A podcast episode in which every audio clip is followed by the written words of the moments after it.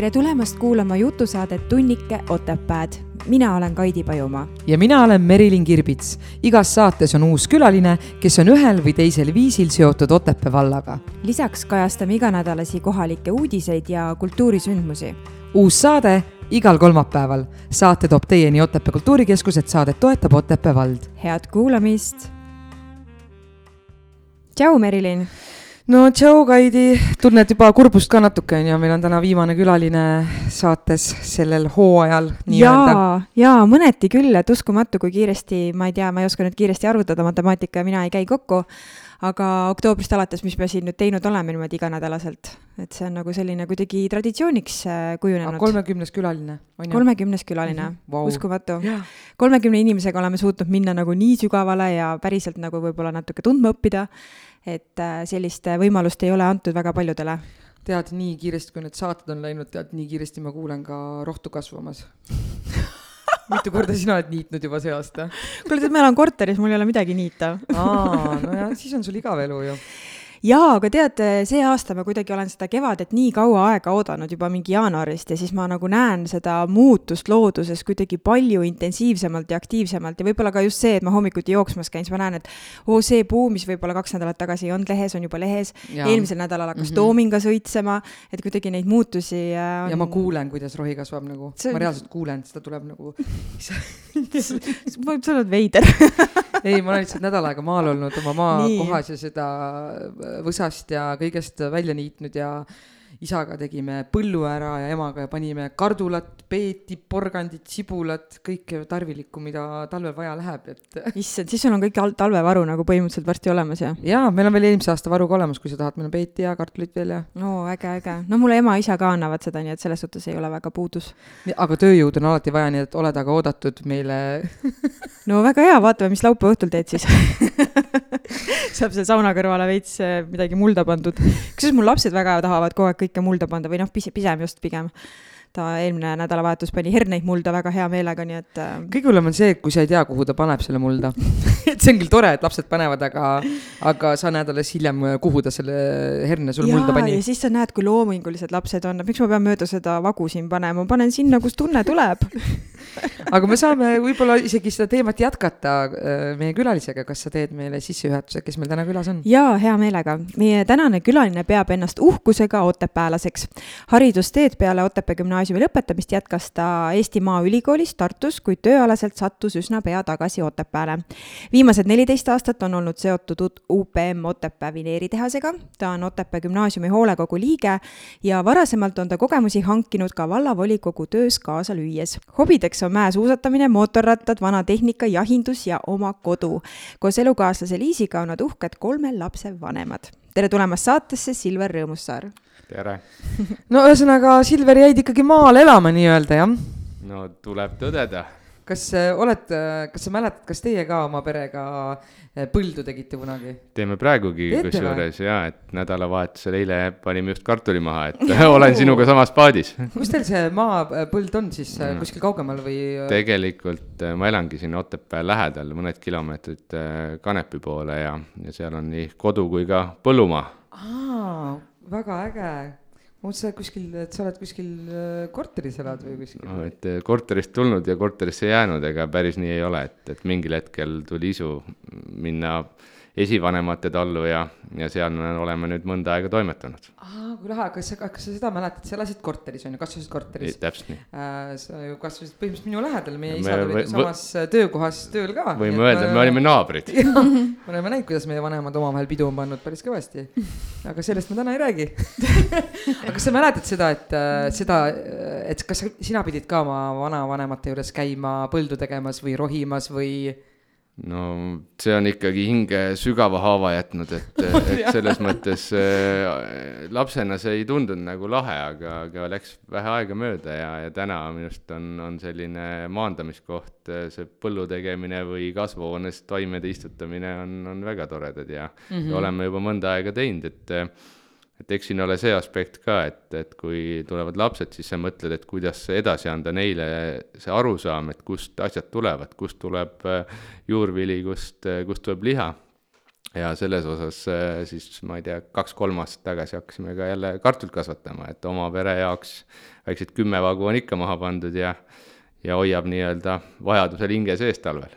aga kas sina oma läbi selle kogemuse, läbi selle trauma, mis sina lapsepõlves said, et kas sina ka ise kuidagi püüad oma lastele natuke mängulisemalt või teistmoodi nagu seda äh, edasi anda, meie jaoks oli see ikkagi raske töö, selline nüüd me teeme heina ja nüüd me paneme kartulit ja no ütleme, et nad on veel võib-olla veidike noored, et neid päris nagu selliselt mm. tööle rakendada, aga, aga ma arvan, et selline eh, kõrvaltvaatamine vähemalt annab sellise baasteadmise, et kust asjad tulevad, et eh, ma arvan, see on nagu oluline ja, ja kindlasti neid mastaape täna saavutada on keeruline, millega siin üheksakümnendatel tegeleti, peedikasvatus äh,, Äh, kartulivaod, mille lõpp ei paistnud ja no nii edasi. Need kogused on vist teised ikkagi, et kui me ja. siin paar vagu oma lõbuks teeme, et siis seda pole nagu raske rohida, aga siis sellel hetkel olid tõesti need vaod lõppenud ja need kartulimardikad, mida seal suures soolapotis pidi korjama, see oli kõik nagu jälk sellel hetkel nagu. aga miskipärast endal ka praegu, et äh, ma naudin mingit marjade korjamist, ma jälestasin seda kohutavalt või tõesti mingit rohimist aga praegu see on puhas nauding. aga eks see tuleneb ka sellest, ma arvan, et mis tööd sa muidu teed. et äh, kuidas sina tunned, et äh, kas sinu töö on muidu pingeline? no eks ikka, ma arvan, et iga juhi töö on pingeline ja, ja selles mõttes ongi vaja võib-olla sellist kohta, kus ka ennast maha laadida, et, et igalühel on omad hobid ma panin teile ka kirja, et üks mm -hmm. minu hobi on ka selline koduga seotud, et, et ma väga hea meelega nädalavahetusel toimetan, trimmerdan, niidan muru ja, ja tegelen selliste koduste asjadega ka, et see ongi nagu selline puhkehetk. aga kas sa kunagi tahtsid või mõtlesid, et sinust saab kunagi juht kuskil mm,? ma ei, lapsepõlves ma küll vist ei osanud nagu mõelda, et, et kui, kui esimeses klassis käisin, siis oli meil selline tore õpetaja, kes salvestas sellised videolõigud, et eh, kelleks keegi tahab saada oh. ja, ja mul on meeles, et mina tahtsin siis akvalangistiks saada, et oh., et selline keeruline sõna tuli tollel ajal üle huulte, et et aga, aga õnneks või kahjuks eh, on läinud teistmoodi aga mis sa arvad, mis on üldse ühe hea juhi omadused või mida sina nagu silmas pead, et, et kuidas, kuidas nagu oma alluvatega käituda või? Mis teeb heast juhist hea juhi? juba sõna alluv on nagu eesti keeles väga paha sõna, et mm -hmm. mulle meeldib öelda, et on, on meeskonnaliikmed ja, ja kolleegid mm, -hmm. et et kindlasti visioon ja, ja, ja selline koostöö on täna, täna need, mis, mis edasi viivad, et et eks aeg on edasi läinud ja, ja juhtimine on ka muutunud võrreldes sellega võib-olla, mis ta oli aastat kolmkümmend tagasi või kakskümmend viis tagasi, et aga mille poolest on muutunud, kui sa, kui sa püüad välja tuua mingisugused iseloomuomadused? ma arvan, et äh, täna ei ole enam selline käsu jagamine, vaid pigem on, on see koos tege-, tegemine ja see on tänasel hetkel, ma arvan, selline edupant, et äh, need meeskonnad, kes suudavad äh, ühiste eesmärkide nimel koos töötada ja ja, ja võib-olla mitte nii, isegi hierarhiliselt ei ole see täna nii oluline, kui see, kui see oli võib-olla varasematel aegadel ja ja ka võib-olla teistes riikides, et noh, kui me räägime siin mõne naaberriigi näitel, siis, siis võib-olla need, need jooned on vähe teistsugused. aga ma mõtlen, et äh, kui nad on nagu meeskonnaliikmed, eks ole, kas sa pead, kas ei ole nagu keerulisem selles mõttes, sa pead rohkem neid võib-olla kuulama, kui varem sai lihtsalt anda käsu kätte, et kas ei või seal ära kaduda kuidagi see piir ülemuse ja alluvate sai kasutada, aga et kas ei tundu nagu keerulisem isegi, et sa pead rohkem isegi arvestama, kui Äh, ma arvan küll jah, et äh, seal, seal mõneti see võib keerulisem olla, aga, aga noh, kokkuvõttes äh, me ei arutle selle üle, mis on keeruline, mis on vähem keeruline, me arutleme selle üle, et kuhu me välja tahame jõuda ja mis on asja tulemus aga kas teil on endal meeskonnasiseselt ka mingisugused niisugused nagu välja kujunenud traditsioonid või mingisugused sellised tegevused või olengud, läbi mille sa oma meeskonda motiveerid? Face-to-face äh, kokkusaamised on meil üsna tihedased, et äh, eesmärgiks on neid äh, igakuuselt, kuiselt pidada, aga, aga võib-olla alati ei ole see päriselt ka õnnestunud. on ühisüritused, tähistame sünnipäevi, sellised üsna tavalised asjad, et ega me, meil mingit sellist erilist välja tuua ei ole, et siin kindlasti me IT-ettevõtetele nii-öelda kanna peale ei astu selles osas, aga, aga hea läbisaamine ja, ja ühiste eesmärkide järgi püü, püüdlemine on, on, on see, mis, mis, mis viib edasi. ja mitu äh, meeskonnaliiget sul on mitte öelda, et alluvat, aga kuidas võtta, et, et meile on UPM-is tegelikult selline maatriksorganisatsioon, et meil alati ei olegi väga lihtne öelda, et kas see on su nii-öelda alluv, kui seda mm -hmm. sõna siis kasutades, aga, aga, aga ütleme nii, et selline lähem meeskond on kuskil kümne inimese piires mm.. ja kokku töötab meil kakssada viiskümmend inimest siin Otepääl mm. -hmm. oo, vau, ikka päris palju. aga mm, sa lõpetasid Otepääl gümnaasiumi ära ja läksid Maaülikooli, mida sa sinna õppima läksid? kelleks sa tahtsid saada? Eh, ma läksin tegelikult õppima inseneri valdkonda, et mind selline masinaehitus ja, ja seadmed on eh, lapsest saati paelunud ja, ja tänagi hobi korras tegelen eh, vaikselt vanatehnikaga ja motovärgiga, et, et selline kutsumus oli ja, ja läksin õppima siis ettevõttetehnikat Äh, hiljem magistris oli selle asja nimi tootmistehnika, et ühesõnaga haridus on inseneri valdkonnast ja ja, ja tegelikult istub päris hästi siia, siia sellise väga tehnilise tootmise kõrvale.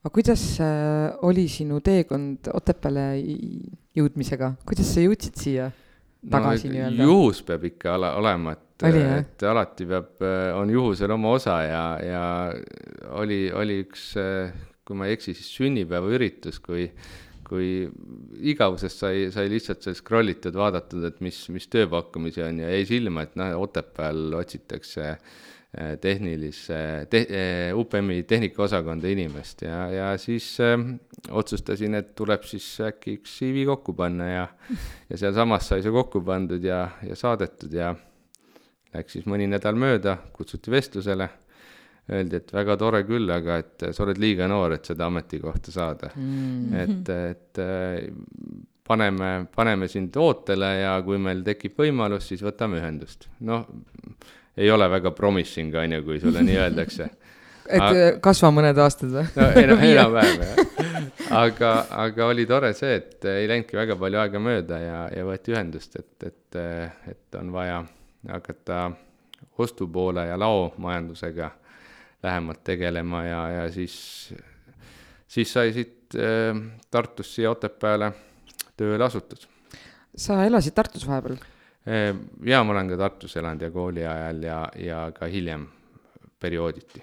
aga kas sa, mis, mis tunded see sulle tekitas, kui sa Otepääle leidsid endale töökoha, kas sest ma ütlen, et kui mõelda oma paljude tuttavate peale, siis tegelikult Otepää ei ole võib-olla esimene valik, et tahaks ikka kuskile suuremasse kohta või jah, tegelikult oli vähe kummaline küll see periood, kui, kui sai sõidetud hommikul Tartust Otepääle tööle, olles ise nagu Otepääl sündinud siin, kasvanud ja koolis käinud, et, et selles mõttes oli, oli jah, veidikene kummaline, aga, aga ma arvan, et tasub ka, ka vaadata eemalt sedasama Otepää värki ja meie, meie linna ja seda elu siin ka, et, et siis tekib ka hoopis uusi vaateid ja vaatenurki aga kas sa arvad, et sa juhina teed seda tööd natuke teistmoodi tänu sellele, et sa oled Otepäält pärit, kas sul on nagu ma, ma ei tea, kas sa saad aru, ma mõtlen, nagu on mingi teine tunnetus, et ikkagi see on su kodukoht olnud ka, kui lihtsalt see, et tuleks Tallinnast mingi tüüp ja vaataks, noh, see on lihtsalt üks väike mingi linn.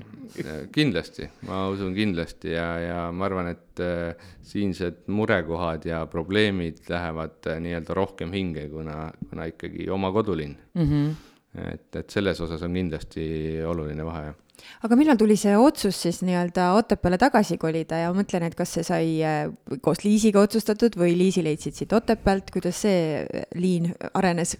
Tegelikult äh, oleme me elanud ka UPM-i ajal juba, juba Tartus ja, ja mingil hetkel, kui hakkas siin nii-öelda maakodu valmis saama, siis, siis otsustasime, et, et kolime siia ja ja nii, nii, nii ta läks. et see otsus tuli lihtsalt äh, mõlemale, ka tööalaselt, ma mõtlen? suhteliselt lihtsasti jah, sest äh, kui sa juba hakkad kuskile kodu ehitama, siis, siis sa tegelikult äh, ju arvestad sellega, et ühel päeval võiks ka sinna sisse kolida aga kui rääkida sellest tööst, mis UPM-is tehakse, siis mis on see, võib-olla tõesti, võib-olla keegi, kes ei tea, ma ei tea, Kaidi, võib-olla sa tead, mis, mis, mis toodang seal üldse valmib, mis sellega tehakse? vineer ühesõnaga, et no ühesõnaga seleta nüüd kahele naisele, et äh, mi, mis on selle, mis on selle olulisus, mis on see toode, mis sellega teha saab ja kuhu seda saadetakse? jah, väga hea küsimus. Ehm, võib-olla ma pean siis alustama sellest, et me teeme kasevineeri ehk ainult kasepuidust mm -hmm. toodame vineeri. Ehm, see kasepuit äh, pärineb suuresti Eestist, äh, mingil määral ka Põhja-Lätist, kes on meil siin nii-öelda lähedal ja, ja noh, vajaduspõhiselt oleme ka importinud äh, Soomest, Rootsist ja varasemalt väikses mahus ka Venemaalt. et ähm, äh, nii palju toorainest ja, ja mis me siis teeme, me äh, valmistame siin Otepääl vineeri, see vineer äh, läheb äh, peamiseks kasutuseks transporditööstuses aga ka näiteks LNG laevades. Täna väga kuum ja popp teema et meilegi Eestisse vaja veeldatud gaasi transportida ja, ja Otepää vineeritehas on üks neid, neist vähestest äh, tehastest, kes on sertifitseeritud tootma siis äh, äh gaasilaevades kasutatavat LNG vineeri. kuidas te saite selle loa?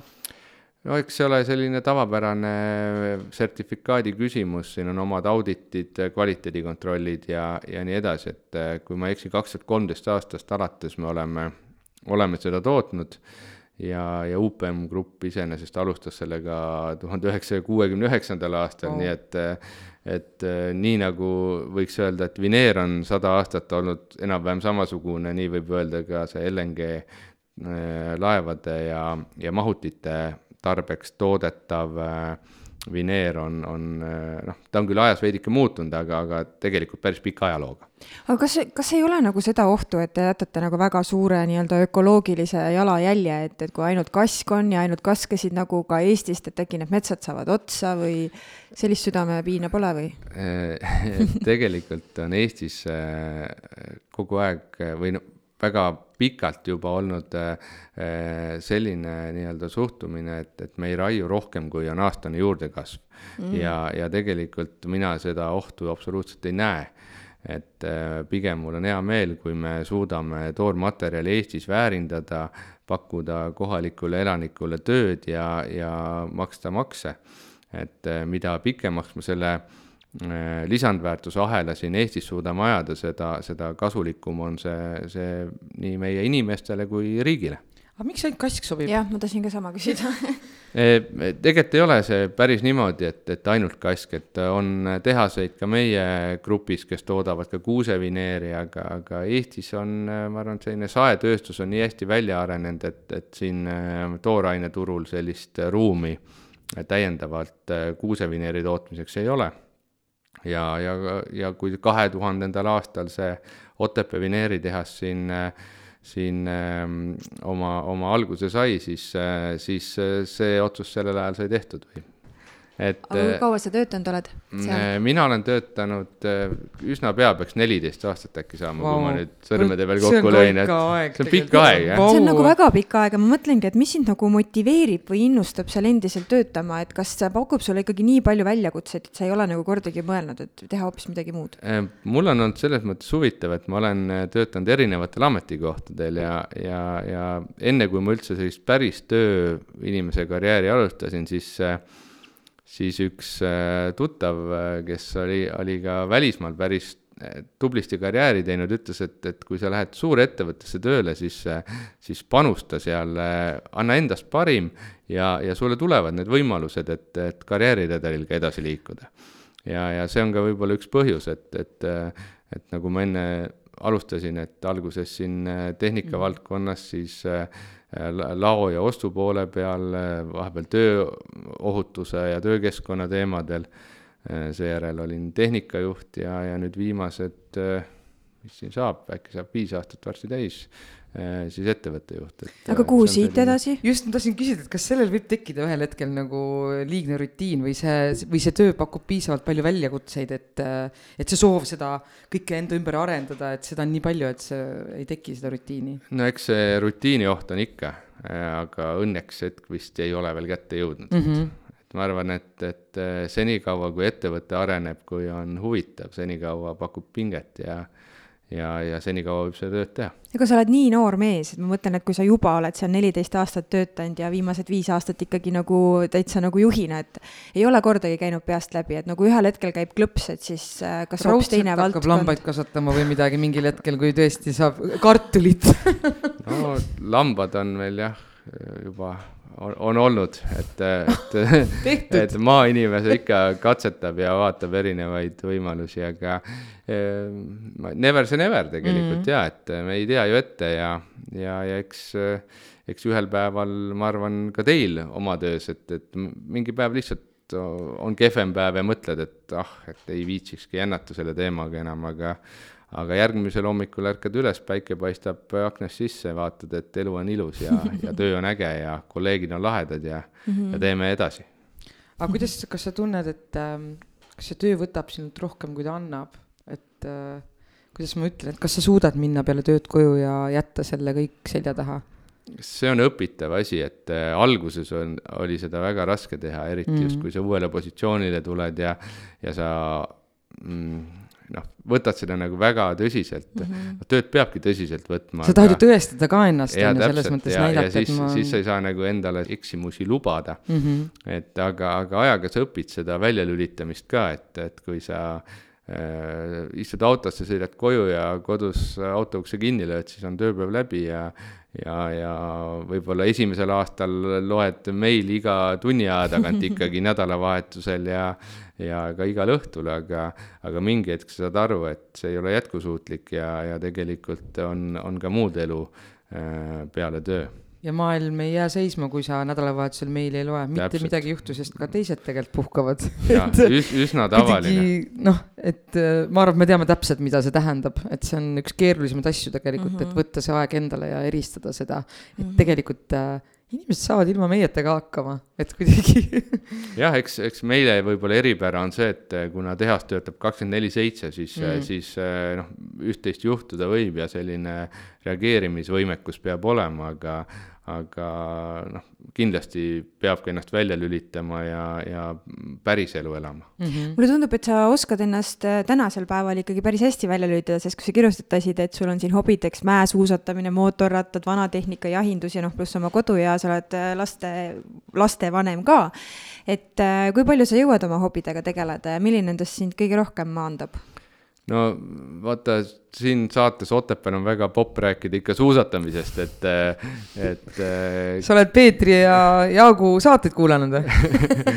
Ja et, et täpselt minagi sattusin, ma arvan, esimeses või teises klassis mäesuusatrenni ja ja tegelikult sain väga hea ja, ja laheda oskuse kogu eluks ja, ja veel tänaseni ikkagi naudin mäesuusatamist, käin käin igal võimalusel ka, ka väljaspool Eestit mm. suusatamas ja, ja see on tõesti vahva, et, et täna ka ähm, härra Peeter Siim täna õpetab samamoodi lapsi suusatama, et, et mul on väga hea meel seda kõrvalt näha.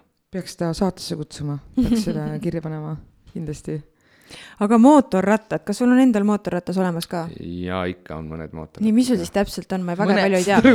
Bike, bike või chopper või? on mul täna jah, sellised uunikum mootorrattad, mille, mil, mis oleks võinud juba ka viimaseks nädalavahetuseks äh, kokku pandud olla, aga. jaa, hooaja avamine oli ju Pärnus. nii, aga aga minul on selle aasta esimene sõit veel tegemata. no sul on see, sa ütlesid vanaaegne see kõrvalboksiga või kõrvalist? külgkorviga. ei ole, ei ole külgkorviga aga see, need kuuluvad siis äh, sinna vanatehnika juurde. oota, mis Silver vastas, ma ei kuulnudki no.. ei ole külgkorviga, et aga, aga ja mul on, on mõned äh, mootorrattad ja on ka lääne mootorrattad varasemalt olnud, et. miks sul neid mitu peab olema? Äh, kui sa tahad ühte korralikku taastada, siis üldiselt kulub mm, aa, mit, mitu vähe kehvemat sinna, et, et üks korralik saada aga sa oled niimoodi ka sõidetud, et, et naine ka pardale tuleb või? jah, varasemalt et oli, oli, oli seda rohkem, aga täna, kui sul on kolm last. kuhu sa need kolm last seod nagu? siis äh, ei ole, ei ole seda enam ette tulnud väga palju, jah. aga kas vanatehnikas on sul autosid ka või on see, ongi mootorrattad seal? Äh, jaa, mul on sinulegi väga tuttav Olga, auto või? kodus ja et äh, sai siin, siin äh, ka taastatud vanaisa, vanaisale kuulunud oh. Volga ära ja, ja nii, et mul on ka üks valge vana Volga. äge, meil on ka see on ikka, see on ikka äge. nii, ja jahindus? jah. keda või mida sa jahid? Äh, jahindus on selline hobi, millega, millega on ka viimased, ma ei tea, kaheksateist aastat tegeletud, et, et siin Vana-Otepää jahimaadel tegeleme jahindusega ja ja, ja, ja ulukihoolde ja, ja kõige selle juurde kuuluvaga. aga kas sul oli, keegi esivanematest on olnud jahimees või kuidas see huvi sinuni, mingi sõbra kaudu või keegi? jaa, mu vanaisa oli jahimees Aha. ja, ja seda liini pidi see, see ühel hetkel tuli otsus teha, et kas hakata jahimeheks või mitte ja ja siis nii ta läks, et aga, aga see on ka võib-olla selline näide, et et elus on iga asja jaoks oma aeg, et, et kui ma käisin ülikoolis, ei olnud väga aega sellega tegeleda ja ja see huvi tegelikult tekkis nagu, nagu võib-olla isegi veidike hiljem. et eks see sõltub ka sellest, et mis inimesel teatavas eas prioriteediks üldse on, et et oli vaja võib-olla rohkem pidudel käia ja nädalavahetusel jahti minna polnud väga populaarne mõte. aga miks sa käid jahis, mis see annab sulle? mulle meeldib see seltskond, mulle meeldib looduses käia, see on see on tore mm. -hmm. et see tapmine ei olegi nagu esmatähtis või ei, kindlasti mitte jah. mul on. Äh, küttimine oleks äh, korrektselt. ja ei ole alluv, on ju, ja mul on onu jahimees ja vanaisa oli jahimees, nii et me istusime pikki tunde niimoodi laua taga, kus ma ikka küsisin, et kuidas te ikka suudate niimoodi minna, et loom jookseb vabaduses ja siis sa lihtsalt tapad ta ära ja siis nad alati ärritusid selle no, sa lähed, ma räägin jälle vana juttu, sa lähed poodi, ostad selle tüki mingi seast, keda on meelega kasvatatud kord, ja täis toidetud ja me, me ei lähe siit edasi praegu selle teemaga, onju. et äh, ja, jahinduses on ka muid eesmärke, just inimeste kokkutoomine, mhm. mingisugune ühine huvi, on ju, mets, loomad, kõik see asi nagu. aga okei okay,, need on nagu sellised üldisemalt sinu hobid, aga kui sul on, ongi näiteks nädalavahetus tulemas või tunned, et kuidagi on väga selline pingeline töönädal olnud, mis on selline põhiasi, kuidas sa ennast äh, maandad? Lähedki trimmerdama? noh, see on suvine aeg, aga talvel äh,? samad Otepääle omased asjad, et äh, mõne korra aastas tuleb ikka suusatamas käia, vaadata, kas oskused on alles. ja, ja ega no, ütleme, et ega sellist äh, liiga vaba aega, ma arvan, ei jäägi, et, et äh, kui, kui on sellised võimalused teinekord, siis, siis reisimas käia, see on, ma arvan, selline meeldiv asi, mida me nüüd, keegi pole paar aastat saanud väga palju praktiseerida, aga mm, aga loodetavasti on on tulevik vähe helgem selles osas.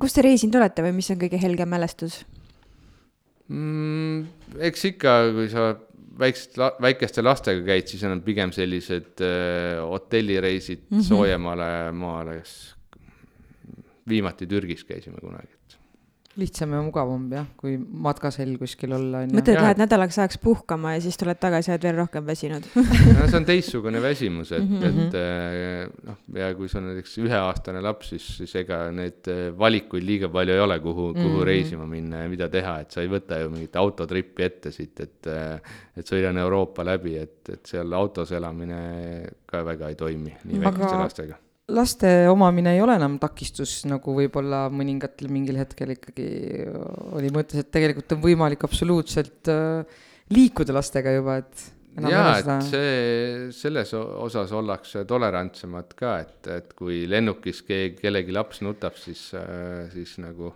kallale päris ei minda, aga aga kurja pilguga vaadatakse. seda tuleb ette. sest et tema tuli just lasteaiast töölt võib-olla, ta on lasteaiakasvataja ja ta läheb puhkusele mm -hmm. ja ta kuuleb ma ei tea kunagi, millised inimeste elud on, aga kui sa oled avalikus ruumis teiste inimestega, siis sul tuleb nagunii arvestada sellega, et seal võib kõike juhtuda. aga UPM-i juurde tulles, kas äh, kakssada viiskümmend töölist, kas, kas kas äh, need on kaetud Otepää inimestega või kuskohast teil veel inimesi tööl seal käib? no Otepää selles mõttes asub väga hea koha peal, et meil on äh, selline mõistlik äh, pooletunnine autosõiduaeg Võrust, Põlvast, Tartust, Valgast, Tõrvast, et oleme selles mõttes hea koha peal. Otseselt Otepää vallast käib meil tööl suures osas pool inimestest mm. -hmm. täna tõenäoliselt mõned rohkem, kuna, kuna me oleme siin viimastel nädalatel pakkunud võimalust ka, ka Ukraina sõjapõgenikel meie mm. juures tööd teha aga, aga jah, ajalooliselt see number on ka kuskil alati selline pool olnud. aga kuidas need äh, Ukraina sõjapõgenikud siis nagu kohanenud on või kuidas on nende see suhtlusstiil? mis tööd nad äh, üldse teevad, mida jah. nad saavad teha või et äh, no,? meie tehases on ikkagi suurem osa tööst on operaatori töö, et, et opereerivad siis erinevaid tootmisliine ja, ja eks äh, eks siin annab veidike tunda seesama asi, et, et kui mina koolis käisin ka eriti vene keele õppimise peale rõhku mm -hmm. ei mhm. pannud ja mm, -hmm. ja, ja täna tuleb tõdeda, et, et mõtlen, et, et sai seda asja vähe, vähe valesti hinnatud kooli ajal, et, et noh, nendega suhtlusel suuresti on vaja, vaja ikkagi vene keele oskust kuigi on inimesi, kes räägivad ka, ka heal tasemel inglise keelt mm. -hmm. Mm -hmm. aga see näitab puhtalt seda, et meil lihtsalt praktika puudus omal ajal vene keele mõttes, et äh, Otepääl, ma ei tea, ma ei tea, paar vene keelt kõnelevat inimest võib-olla elas, aga tegelikult äh, meil ei olnud otseselt. vajadust ei olnud, aga, aga samamoodi sul ei olnud ju vajadust inglise keelt või saksa keelt õppida, aga need tundusid märksa atraktiivsemad no,. tegelikult muusikad ja filmid ja asjad ja kõik tegelikult ikkagi inglise keeles kuidagi kogu aeg nagu, sest isegi kui oli, vahepeal olid saksa kanalid ja ma saksa keelt olen õppinud vist ühe aasta valikainena, aga tänu sellele, et meil oli saksa kanalid, ma sain tegelikult äh, saksa keelest aru, ma ei oska võib-olla kirjutada ja rääkida vastu väga hästi, aga ma tegelikult mõistsin seda, et ikkagi see, mis meie ümber nagu on, et see, see mõjutab väga palju kuidas me seda, sealt mõistame paremini. täpselt nii ja eks, eks täna on ka, et eh, sõltub, mis ruumis sa elad, et kui, kui omal ajal eh, võib-olla meie, meie vanemad olid rohkem venekeelses ruumis ja, ja sealt tuli rohkem seda infot, siis, siis paratamatult ka vene keele oskus süvenes läbi selle, et et täna on jah, see, see noh, keelteoskus üldiselt, see on üli-ülioluline, et et äh, ka ütleme, suurettevõtetes, kontserniettevõtetes läbi lüüa, siis ikkagi sa pead oskama noh, vähemalt ühte võõrkeelt. Ma ütlen, minu, minu jaoks on keeled väga nõrk koht, mul on väga piinlik esiteks, et ma tõesti vene keeles ma oskan mõnda lauset võib-olla äh,, inglise keeles ka sõnavara on suhteliselt vähene, et äh, ja väga puine, et eks see on võib-olla ikkagi mingil määral geneetiliselt kaasa antud, kuidas keeled sulle kinnistuvad või mina tunnen häbi rääkimise ees, mul on tunne, et ma räägin valesti ja ma nagu kardan en, nagu nii-öelda sellest mugavustsoonist välja tulla nagu. ma ei tea, et see on inimestest nagu erinev, ma ei tea sellest tuleb üle olla ja, ja ega ükskõik millist keelt sa õpid, ega sa tegelikult ennem äh, seda keelt ei valda, kui, kui sa hakkad seda noh, proovima ja, ja me ise ka, kui, kui keegi tuleb ja on õppinud eesti keele ära ja räägib sinuga vigases eesti keeles, sa võtad ju tegelikult mm -hmm. väga positiivselt. et jaa. sa võib-olla seal mõne sõna parandad või, või aitad teda, aga sa võtad ju seda nagu väga hästi ja tegelikult eh, ma usun, et ka ka teiste keelte rääkijatel on, on, on see meeldiv, kui nad näevad, et sa vähemalt püüad mm. -hmm. et Muidugi. mõni sõna läheb valesti või, või, või mõni Mm, sõna lõpp on, ei ole päris õige, aga, aga kokkuvõttes mõte on ju edasi antud ja mm, -hmm. ja läbi selle tegelikult see keeleoskus tuleb, et et ma ei tea, kuidas täna koolis keeli õpetatakse, aga, aga minu enda puhul selline, et kui sa üritad hakata rääkima isegi väga vähese sõnavara pealt, siis see tegelikult viib päris kiiresti edasi kui sul on rääkida kellegagi ja kui sa saad praktiseerida näiteks inimesega, kelle, kelle jaoks näiteks inglise keel ongi emakeel, siis sa arened nagu temaga rohkem ja paremini nagu isegi kaasa. aga kui palju sina üldse pead igapäevaselt teistes keeltes rääkima? No meil on äh, tehases äh, ka inimesi, kellega me suhtleme igapäevaselt inglise keeles ja, ja kuna me oleme kontserniettevõte, siis no ma arvan, et ühtegi päeva aastas küll sellist mööda ei lähe, kui ma inglise keelt ei räägi oh,. Okay. et selles mõttes see on meie töö igapäevane osa ja, ja inglise keel on meil ametlik äh, kontsernikeel ka. ja kirjavahetus toimub ka ikkagi inglise keeles päris palju, on ju? jah, kui see on Eestist välja, siis kindlasti, jah mm. -hmm. aga milline on UPM-i tehases äh kõige selline vastutusrikkam äh, töökoht? kui me jätame juhi positsiooni siis võib-olla välja. ma arvan, et et ma, ma ei tahaks nagu ühte töökohta kuidagi välja tuua, et. meil on tegelikult selline päris pikk ahel, alates mm -hmm. sellest, et me kõigepealt lõikame sellest äh, vineeripakust siis sellise spooni ühe koma viie millimeetri paksuse.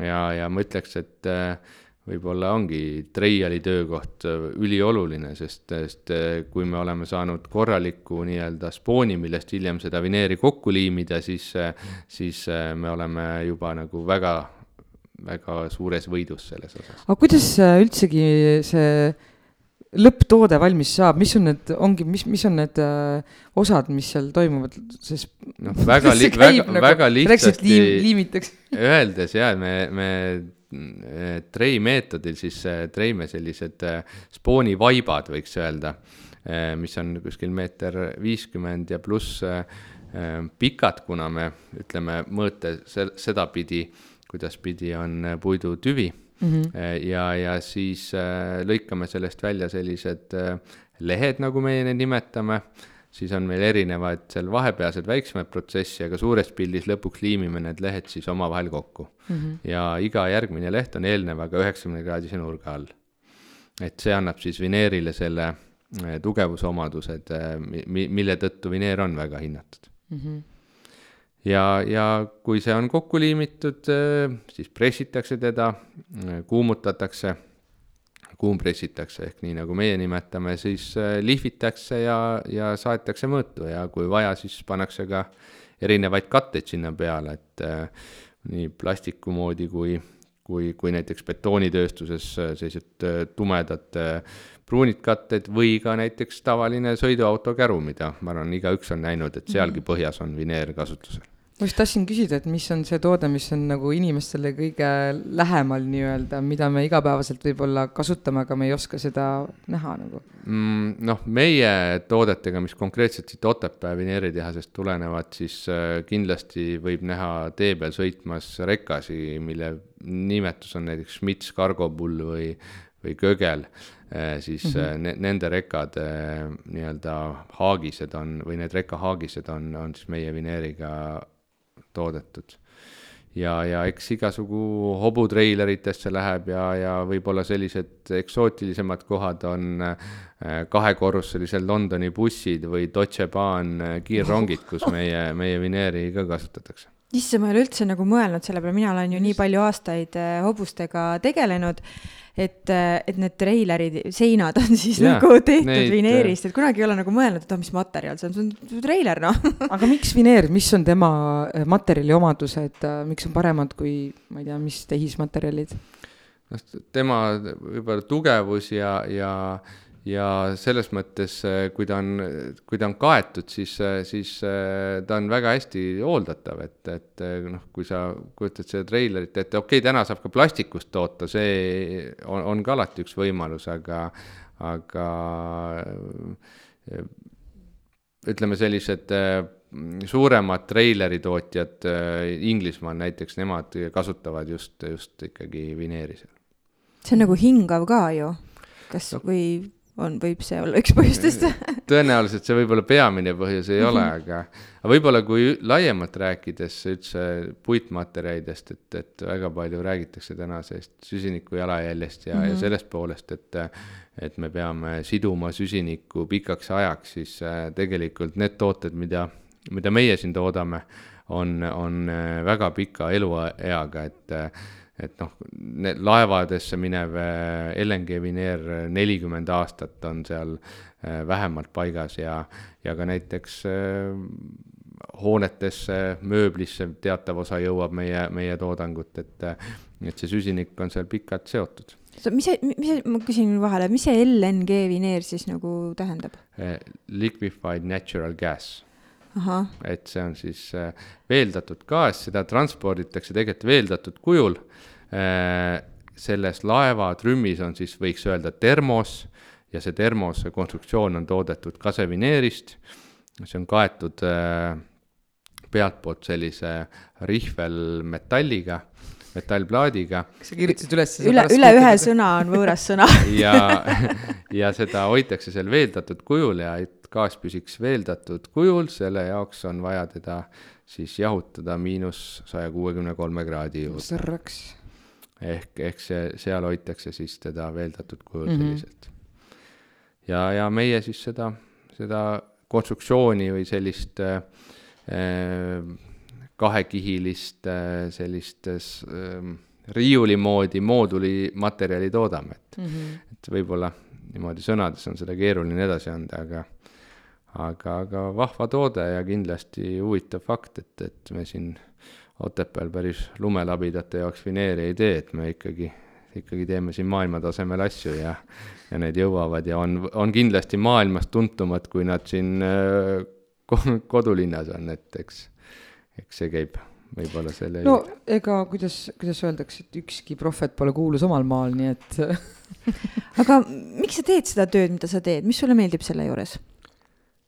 Eh, mulle meeldib see, see väljakutse, et eh, noh, täna eriti, et, et äh, ütleme sellist üks, üks asi, suuri asju ei saa, ei ole väga palju ettevõtteid, kus sa saad tegelikult teha nagu päris suuri asju. Et see siin Otepääl, ma arvan, on suurepärane võimalus ja, ja me oleme viimasel ajal ka promonud ennast, et, et see on, see on sa oled siin väikses Eesti nurgakeses ja ka teed asja, mis on nagu maailmas äh, vägev ja, ja vinge. et see on, ma arvan, üks selline väga äge mõte.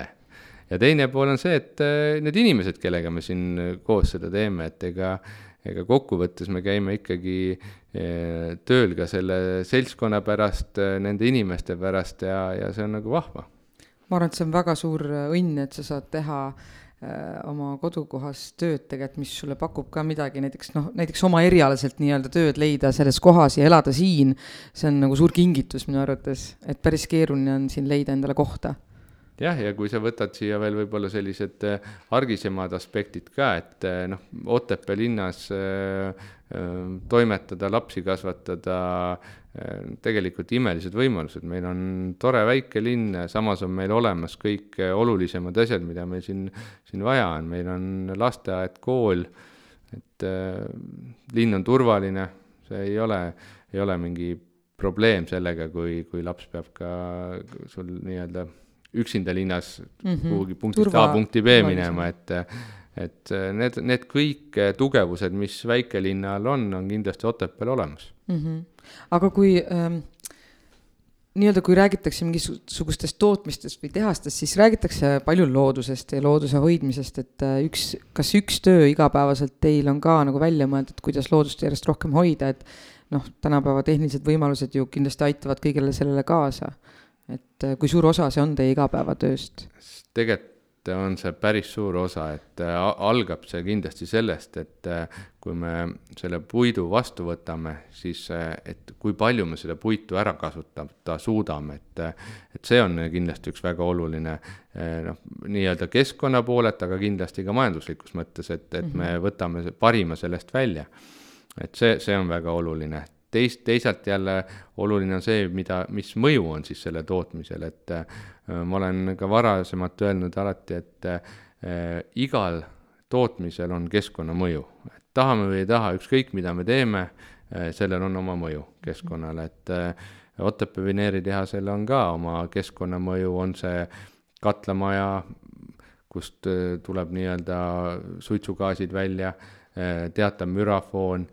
Et see käib tegelikult tootmise juurde, aga sellega ka igapäevaselt me tegeleme ja noh mm -hmm., müra suunal oleme päris palju fookust pannud ja, ja, ja selles asjas äh, oleme päris, päris hästi edasi saanud äh,. teisalt jälle ka igasugu seadused ja, ja, ja nõuded riigi poolt äh, järjest äh, rangemaks lähevad mm. ja, ja selles valguses on ka selle, selline asi, et järgneva järgmise aasta lõpuks, kui ma ei eksi, äh, peaks olema ka kõigil sellistel suurematel katlamajadel küljes äh, elektrifiltrid, mis, mis sealt äh, suitsugaasidest veel mingid peened osakesed välja võtavad, et wow., et sellised no, arengud on tegelikult pidevad ja, ja meie ka oleme, oleme seda investeeringut täna just tegemas, et, et veel need kõige peenemad osakesed ka välja korjata see on päris suur raha, mis tegelikult võib sinna minna, aga ma saan aru, et ikkagi selleks, et äh, seda teha, sest mingil hetkel võib üldse tekkida see olukord, et ei võigi enam sellist asja toota üldse, sest nagu. ma, ma arvan, et sellest puidu põletamisest me, me e, siin Eestis ei, ei tohiks loobuda ja, ja see on meil, meil hea võimalus, aga aga eks, eks need nõuded peavadki minema ajaga kaasas mm -hmm. ja, ja, ja teistpidi mulle meeldib öelda, et, et meie korstnast tuleb ka peale seda siis äh, tõenäoliselt äh, puhtamad äh, gaasid välja kui ükskõik millisest eramaja. kus me teeme, eile ma tegin ahju tuld, et aga huvitav, varsti tulevad äkki inimestele ka need reeglid peale, et peame endale korstna ossa mingi no, kes teab, et, et eks, eks need arengud on, on ja ja, ja me peamegi arenema ja keskkonnateadlikkus muidugi on ikkagi äh, inimkonnal või, või elanike seas oluliselt kasvanud, et, et seda on väga hea näha. ja, ja Otepää surnuaias võiks inimesed ka rohkem süügi, prügi sorteerida see on ikka sul südame peal, väga õige, et sa seda asja ajad, lõpuks saab see äkki korda ka. ma ei tea, ma olen sellega aastaid juba, aga jah, ärme täna sellest räägi, aga ega iga, iga inimene saab ikkagi ära teha selle asemel, et näpuga nagu näidata, siis tegelikult kõik saab alguse iseendast, et mida mina ise kodus teen juba selleks, et et loodusele olla nagu sõbralikum. no prügi sorteerimine on üks hea näide, et, et meie teeme seda juba päris pikalt ja mm, -hmm. ja mhm. toimib väga hästi, et, et on, on, on tegelikult äh, vaja luua keskkond ja noh, meil on näiteks, kui teil on siin seina peal pildid, siis meil on sellised juhendid, et mida, mida kuhugi sorteerida ja mida, mida, millisesse prügikasti panna, et et see käib kõik, kõik sellise arengu juurde. see on uskumatu, lihtsalt äh, korra selle prügiteema, Tallinnas ma elan äh, noh, kortermajas on ju ja meil on nii ägedasti toodud äh, biolagunev see juurde, lihtsalt klaas, purgid, pudelid on ju, siis on olmeprügi, siis on pakendid ja papp ja paber. kui lihtsaks saab teha inimene, vot see on lihtsus. et tegelikult sul on nagu nii hästi paika pandud ja mida ma näen nendest kastides, noh, et nagu sulle on antud võimalus, et kui sa ei oska seda teha või sa, sa ei taha seda päriselt lõpuni teha, siis viska kõik sinna olmesse lihtsalt, ära hakka sorteerima, aga ära pane mitte laguneva kotiga biolagunevasse kasti nagu prügi.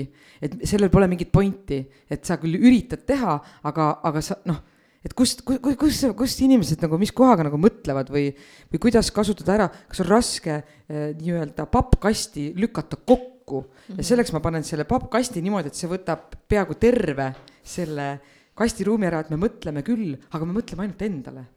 et nagu kuidagi nagu me ikkagi käime nagu klappidega, meil on see rida ees, nagu kõik on tehtud, aga ikka me nagu, me ei viitsi isegi seda kotti avada. et nagu ära siis tee, viska kõik sinna olmesse, kui sa ei tea, kui sa ei viitsi et, äh, et seal tekivad ka, järjest enam tekib mul nagu küsimusi. aga see on imetlusväärne, et teil niimoodi nagu tehtud on. absoluutselt, ma mõtlengi, et sul on nagu, et sa annad inimesele nagu täiuslikud võimalused selle tegemiseks mm. -hmm. sul on ju kirjutatud sinna peale täpselt, mis sinna kuulub, noh mm -hmm., laguneb, aga kui sa. aga võib-olla nad ei tea, mis laguneb ja eks see võtab lihtsalt aega ah?. eks see võtab lihtsalt aega ka, et ma arvan, et, et see on nagu esimene samm, et kui sa, kui sa lood need tingimused, siis sa ei saa oodata, et noh, täna panin kastid ja homme on kõik korras mm, -hmm. et, et see võtab aega ja, ja, ja meie oma näitel ka, et ega see, see ei olnud selline asi, et noh, sildid üles ja homme rist, et on korras see asi, et see on olnud pikk protsess, siin on oma koolitusi seda materjali tähelepanu juhtimist ja, ja tuleb tasapisi, et. kuule, ma peaks oma korterelamule tegema väikese koolituse, et saame kõik kokku aias ja siis no. võtame need kastid ette ja siis nagu, kuigi ma ütlen ausalt, minul on ka päris tihti küsimusi, et kuhu see asi käib mm. -hmm. ja kui ma ei tea, ma viskan olmesse lihtsalt, sest et äh, noh, kui ma panen ta valesse kohta, siis sellest ei ole mingit kasu nagu. ja teine asi on ka kindlasti see, et inimesed elavad korterites, seal on äh, piiratud ruum, võib-olla ei ole neil võimalik enda kodusiseselt luua kolme erinevat prügikasti, mis siis kõik sinna kraanikausi alla sul ära mahuvad. ja siis nad ongi lihtsam, et panen siis kõik kolmesse, noh, ma eeldan seda, pudeleid ikka vii-, viiakse nagu ära. Nad sorteerivad aga valesti ma räägin sellest, et, et nad sorteerivad, aga valesti. aga äkki sa peaks tõesti slaidishow koolituse tegema? ma lihtsalt mõtlesin, ma kirjutan viisaka ja rõõmsa kirja, et, et, et noh, et tõesti, et see, sul ei ole mõtet panna lagunevat biojäätmetesse, kui sa paned tavalise kilekotiga, mis ei lagune mm. -hmm. et äh, et nagu see väike mõtlemine, võib-olla ta ei tule selle ma arvan, et inimesed ei pruugi taibata täpselt, me eeldame inimestest liiga palju teinekord. või et kui pappkast on nagu kokku pandud, et mm -hmm. siis ta mhm. võtab rohkem ruumi mm. -hmm. ja seda ilmselt ei viitsita või võib-olla ta bussis seal, aga ma ei tea, see kleeplint ei tulnud seal lahti. head või..., seal tossud sees polnud et seal oli veel see kile oli ka sees, papi ja paberi selles nagu, et mm. noh, et, et kuidagi nagu ma nagu teen, aga samas ma ei tee seda nagu nii, nagu võiks teha kokkuvõttes mm.. ühesõnaga, meie saame ise kõik ära teha, et loodust ka rohkem hoida ise tuleb, äh, nagu sinu enda näide oli, et minu arust väga hea mõte, et, et ei saa nagu käed rüpes istuda, tuleb, tuleb ka ise aktiivne olla ja, ja tähelepanu juhtida, sest, äh, sest me tihti eeldame, et oi, inimene, küll ta ju teab, et mm, -hmm. et äh, kile sinna ei käi, aga, aga väga tihti tuleb lõpuks välja, et ei teadnudki jah, et võib-olla ma tegelikult olen ülekohtune ja arvan, et ta on halb inimene, aga tegelikult ta mhm. lihtsalt ei tule selle peale võib-olla et me tihti eeldame teistest, äh, et nad mõistavad, aga üks kõige suurimaid probleeme üldse elus on ju ainult enese mittemõistmine. et see äh, empaatia ja, ja mm -hmm. kommunikatsiooniprobleem on kõige suurem probleem minu arust. püüa see... mõista, mitte hukka mõista oh,. see on ka päris hea tsitaat. vana tsitaadimutt on ju. -hmm. aga kas sa muidu mingit muusikat kuulad? Äh, ikka kuulan jaa, et mulle selline muusikaline pool ikka autosõidul on alati taustaks ja, ja, ja eks äh, erinevatel eluperioodidel inimesed kuulavad ka väga erinevat äh, muusikat. mis perioodis sa praegu oled ehm, viimasel ajal ma olen jälle avastanud sellist Eesti muusikat, et et on, on selliseid vanu häid lugusid, mida, mida mõnikord mõtled, et oh, ei olegi väga-väga ammu kuulnud. aga kui sul praegu küsime, et mis on äh, lugu, mis sulle meeldiks, mis sa siis ütleks? ma pean mõne, mõne hea siis äh, valima, eks see olegi selline, et mingid asjad on äh, nagu äh, eluperiooditi olulised ja, ja teinekord on väga hea nagu leida, et oh, mingi vana lugu, et neid lapsepõlves kuulasin ja, ja siis tuleb jälle meelde, et oh, see on nagu la lahe lugu, et et ma viimati avastasin sellise loo nagu Justament kaugelt maalt. et, et see on, ma mäletan, et meil oli vist vinüülplaat selline kodus mm. ja, ja lapsena on, on, on ka seda kuulatud, et, et selline huvitav lugu. milline laps sa olid lapsepõlves? Raske öelda, tagasihoidlik, ma arvan. tagasihoidlik? ma millegipärast arvan jah, et, et see, see, see küsimus oleks õige lapsevanemate käest küsida, aga. aga see on täpselt see, et selline... kuidas sa iseennast mäletad, et kas, kas sa tundsid ennast lapsena hästi, oli sul ilus lapsepõlv?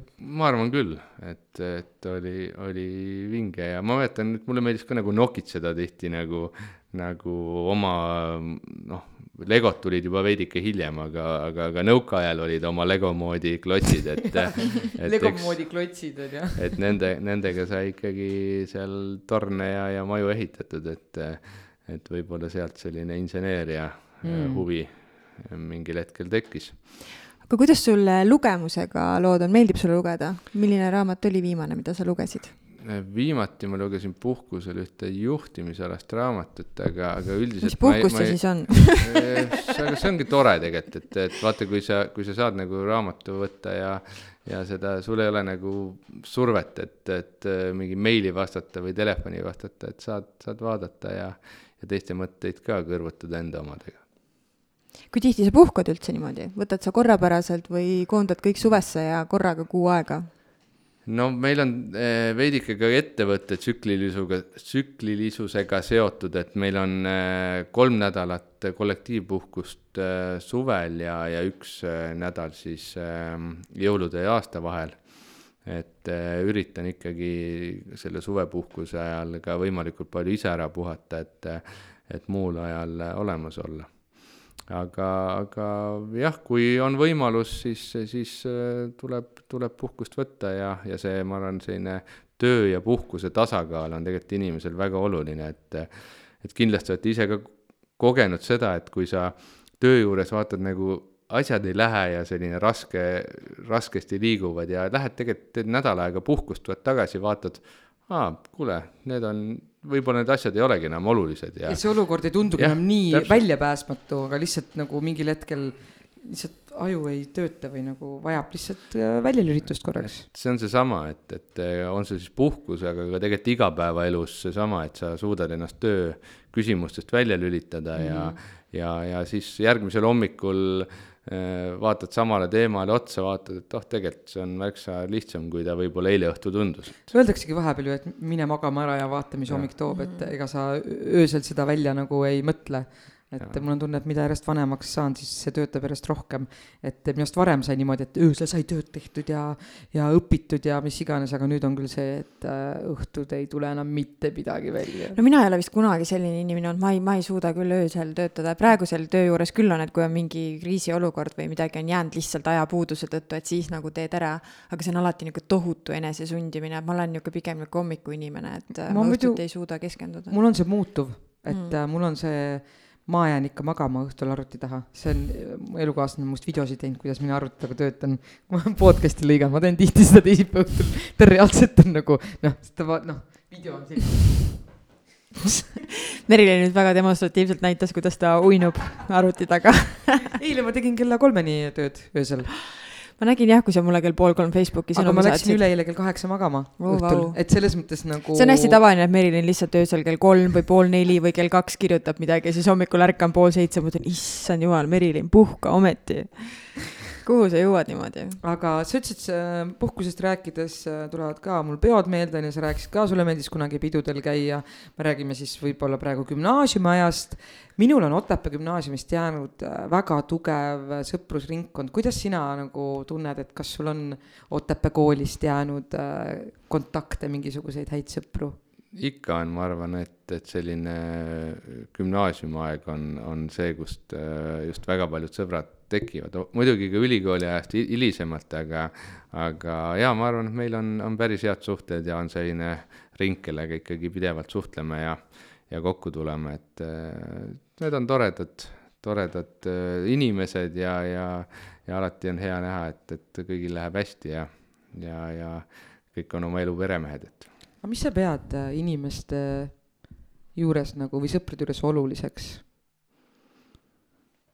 ma arvan, et et äh, ausus on väga oluline, et, et isegi kui, kui, kui keegi arvab, äh, et sa oled midagi valesti teinud, et julgeb selle välja tuua mm -hmm. ja, ja öelda sulle ka otse, et, et, et kuule, see, see asi võib-olla läks vähe halvasti või mm, -hmm. või oleks võinud minna teisiti et ma arvan, et see on selline peamine, et, et kui, kui on need suhted äh, õigetel alustel, siis, siis need kestavad kaua ja. aga mis on sinu jaoks pikaajalise paarisuhte nagu võtmetegur või kõige olulisem aspekt Kaidi lähevikus ma arvan, et, et see on ka selline mõistmine ja, ja, ja ka, ka mõnikord äh, nii-öelda mitte oma arvamuse pealesurumine, et, et see on väga oluline, sest äh, tavaliselt on see, et kui kaks sellist kõvemat isiksust kokku saavad, siis siis äh, läheb nagu selliseks äh, võitluseks, aga, aga ma arvan, selline mõistlik, mõistlik ärakuulamine ja, ja ka, ka teinekord enda tahaplaanile nii-öelda seadmine, et, et ei pea alati oma soovidega esimeses reas olema. Mm -hmm.. kusjuures keegi just ütles, ma ei mäleta, ma kuulasin hiljuti mingit podcast'i, kui ma just äh, Tallinnast tagasi sõitsin ja siis seal oli välja toodud see, et et inimesed või noh, et, et suhte võti on see, et, et sa sead e-, iseenda heaolu tahaplaanile ja oma partneri heaolu esiplaanile ja siis see saatejuht nagu küsis, et oota, aga mis mõttes nagu, et kui ma enda heaolu tahaplaanile sean, on ju, et noh, et, et aga, et kes siis minu eest nagu hoolitseb ja siis see naine nagu ütles, et aga mõlemad teevad seda ju. et tegelikult on ju mõlemad nagu kaetud, aga noh, see töötabki niimoodi, et, et mõlemad seavad, mitte see, et mina sean sinu heaolu taha esiplaanile, on ju, aga sina minu oma ei sea, eks ju, et siis Just, nagu tekivad käärid. jah, kahepoolne ja, ja. ja minu arust see sõprade kohta see ausus on, see on ikka päris õigesti öeldud, sest me keegi tegelikult ei taha endale sõpra ju, kes äh, lihtsalt teeb meile seda nägu, mida me võib-olla äh,, ma ei tea mm,, seda kunstlikku nägu nii-öelda et või siis ka see, et, et kes kogu aeg nagu takka kiidab ja kõigega nõustub, et mulle just nagu meeldivad nagu. just, see kunstlik nägu, et ja, nagu ja. ma teen seda nägu, mis talle võiks meeldida, mitte see, et ma ei julge temaga olla nagu aus, et ja. sealt ei saa kunagi tekkida mingit sügavamat sellist vestlust või mingisugust sõprussuhet, sest et äh, nagu. jah, sest ma mõtlengi, et just enda kõige lähedasematele sõpr-, sõpradele mõeldes, et, et mulle meeldivadki, et nad on kõik täiesti nagu omanäolised ja, ja, ja kuidagi nendega vestlused on huvitavad või isegi siis, kui me jääme eriarvamustele et meil on nagu vabadus ja julgus jääda eriarvamustele, aga see ei ole see, et kui sa minuga ei nõustu, siis mm -hmm. no mhm. okei okay,, siis on kõik, on ju, ma enam ei armasta sind, kõik nagu mm. -hmm. et minu meelest ka see on nagu suht- äh,, nii sõprus kui, kui paari suhtes ju hästi oluline, et okei okay,, I agree to disagree, aga lähme edasi, on ju. ja sellist võltsisõprust on nagu kurb kõrvalt vaadata mm -hmm. kuidagi, et, et kahju on sellest inimesest, et ta ei saa oma sõpradega olla siis nagu aus. et ilmselt tal on mingi oma põhjus, aga, aga see oli nagu väga hea märksõna minu arust, mis sa välja tõid, et ausus on sõprade juures väga oluline osa. me oleme jõudnud oma tunnisel teekonnal äh, nii-öelda saate viimase minuti juurde, et äh, on sul endal mingi mõte või idee või teema, äh, millega sa siia tulid, aga mida me näiteks ei ole jõudnud veel avada? või mida sa meie kuulajatele öelda tahaksid?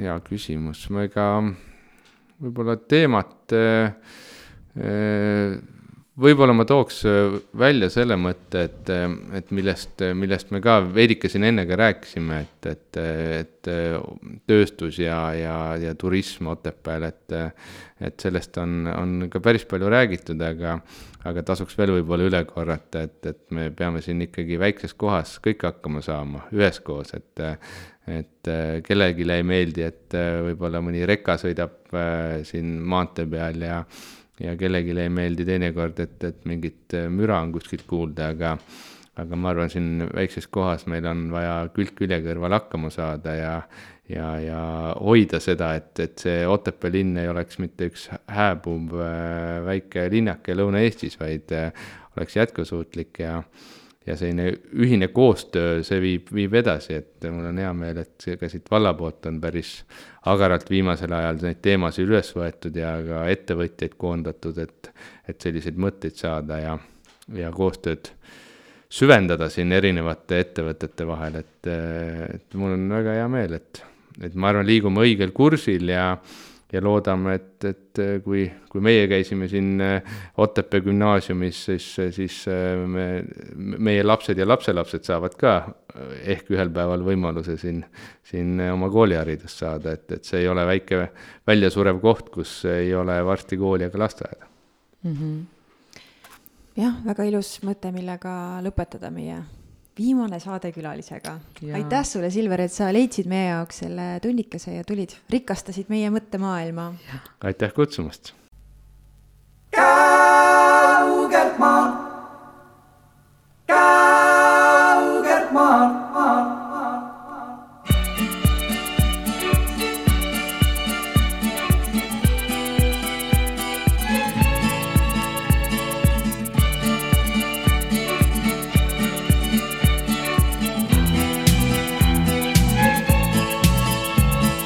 Kaugelt ma taas teateid saan, teateid sinu käest. mu ees on rea, vaid mõned read ja ma ei mõista neid. on võõrad sõnad seal, ma lootsin hoopis muud.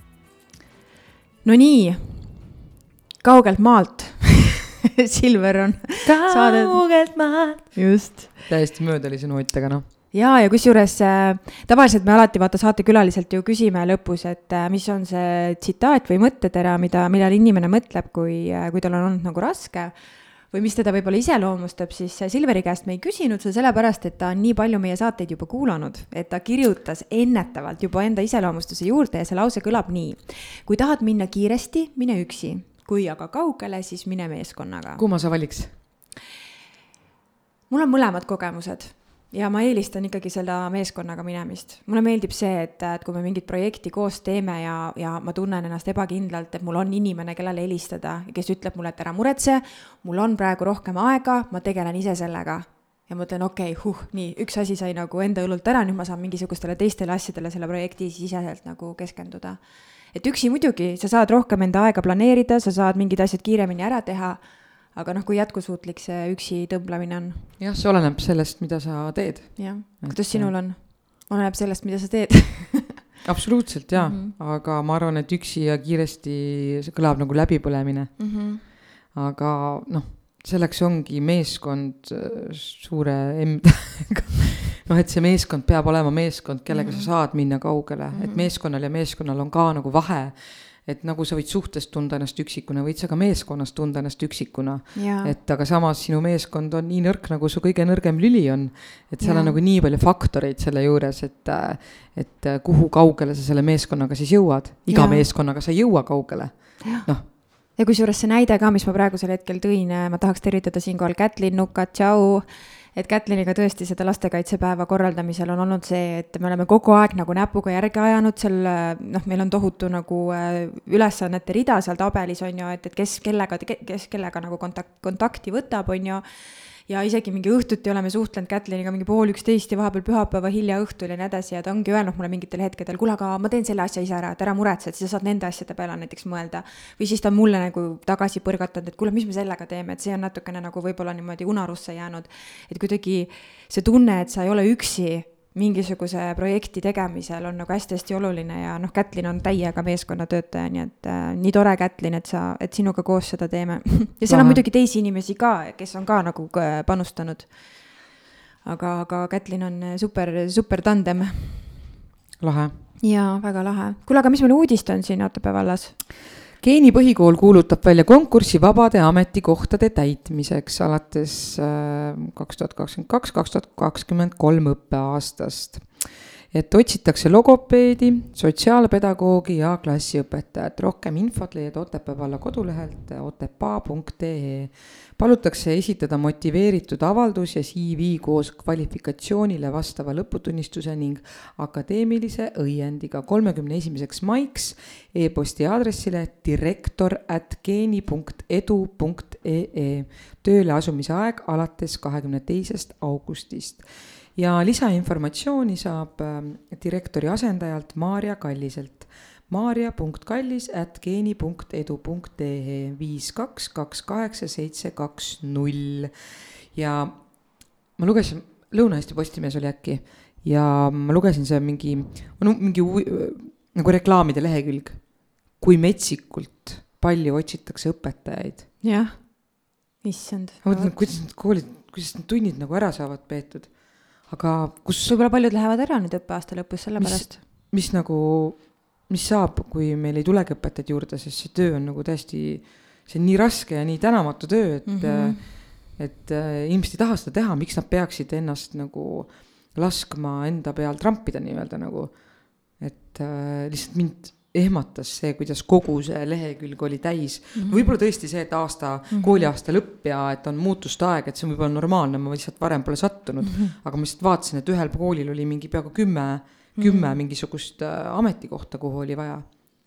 päris karm jah, noh ise ma küll kunagi õpetaja, õpetajaks minna ei taha, see on ikka väga-väga raske Otepää vallavalitsuses saab tööd hankespetsialist. kandideerimiseks saada hiljemalt kuuendaks juuniks eluloo kirjeldus ja motivatsioonikiri aadressile vald.otepaa.ee lisainfot saad sa Riina Savisaarelt telefonil viis kuus neli seitse neli kaheksa seitse viis ja rohkem infot valla kodulehelt otepaa.ee. tööle asumise aeg on esimesel võimalusel head Otepää valla asutused ja organisatsioonid, seltsingud ja ettevõtjad, neljandal juunil tähistame Eesti lipu saja kolmekümne kaheksandat sünnipäeva rongkäiguga lipuväljakult Otepää kirikumõisa.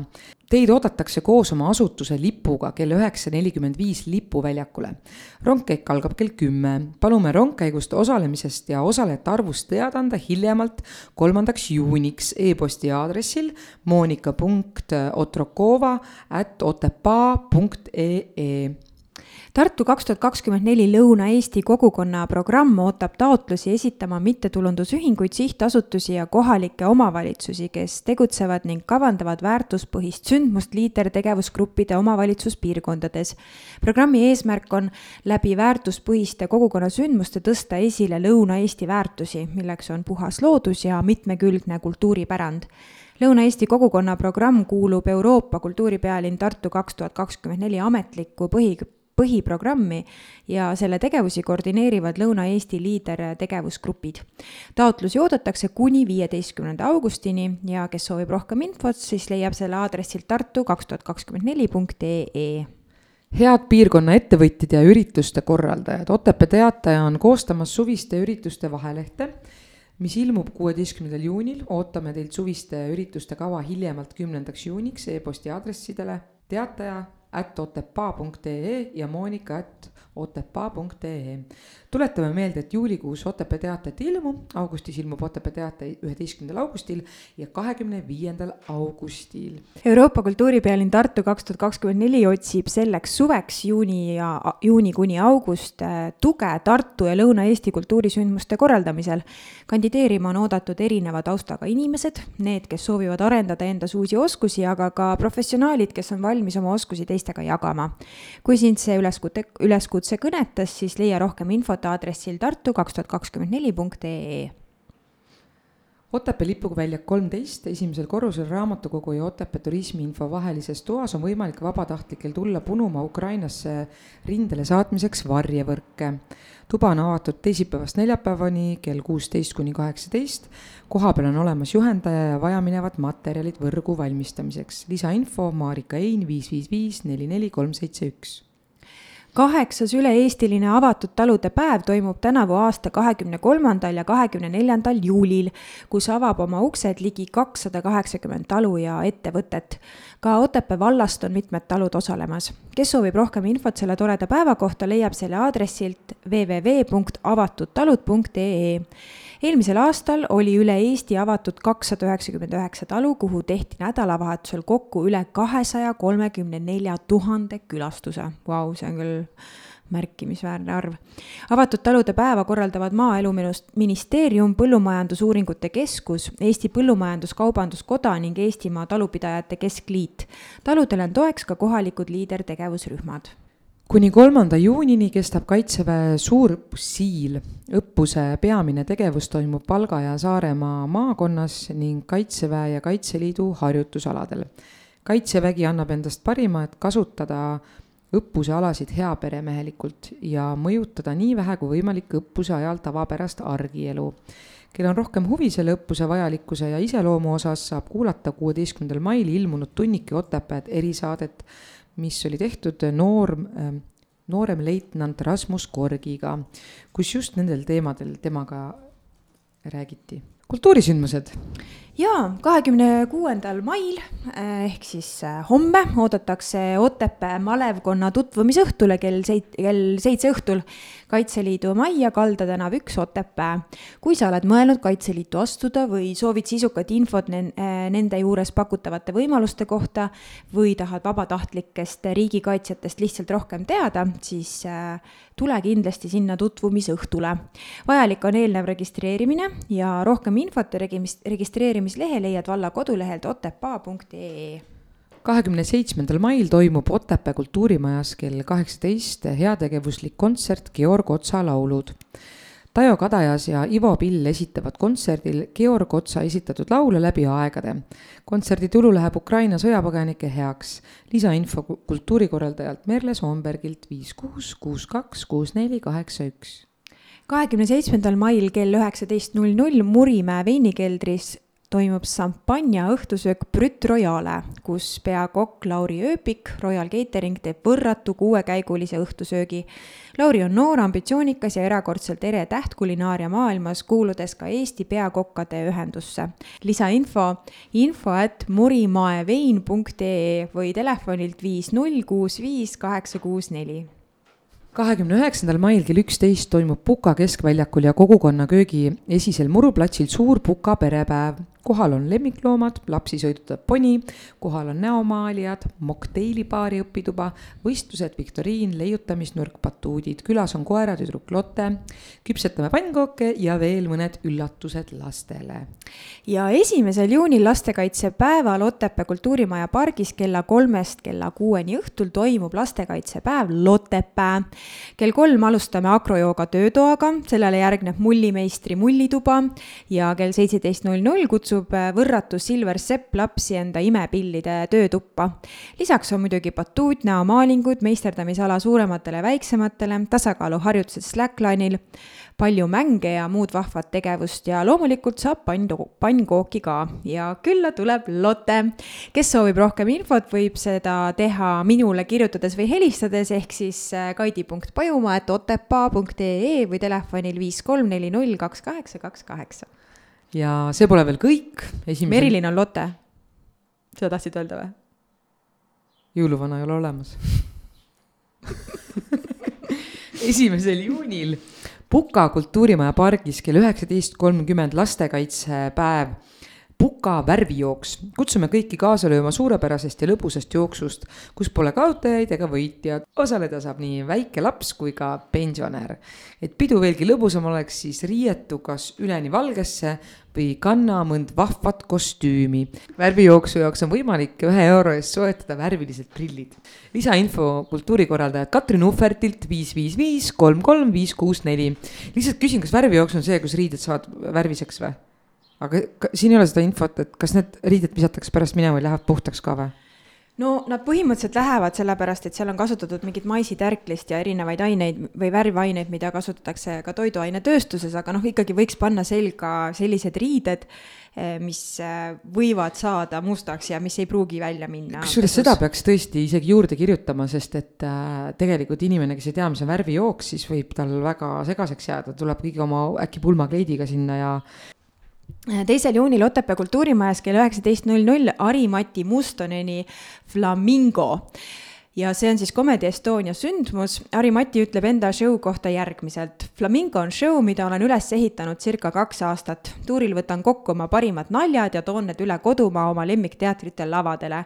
see on kaugelt kõige räpasem, higisem ja tulisem tund, mis ma kunagi kirjutanud olen show on soovitavalt vanusele kuusteist pluss, kestab orienteeruvalt kaks tundi koos vaheajaga ja sooja teeb Miikael Meemaa. täispilet kakskümmend eurot Piletilevi, äh, Piletilevi lehelt ja lisainfo siis kultuurikorraldajalt Merle Soonbergilt numbril viis kuus kuus kaks kuus neli kaheksa üks. ma ei tea, kas äh, Merle teab seda ka, mis naljad on või? Et nagu lisainfo, küsid, et äkki Merle, mis äh, naljad tulevad muidu seda võiks Comedy Estonialt vist küsida. see oleks ka päris hea naljakas sketš ju mm. -hmm. aga kultuurisündmused lõpetame ühe väga olulise sündmusega, mis on Otepääle oluline.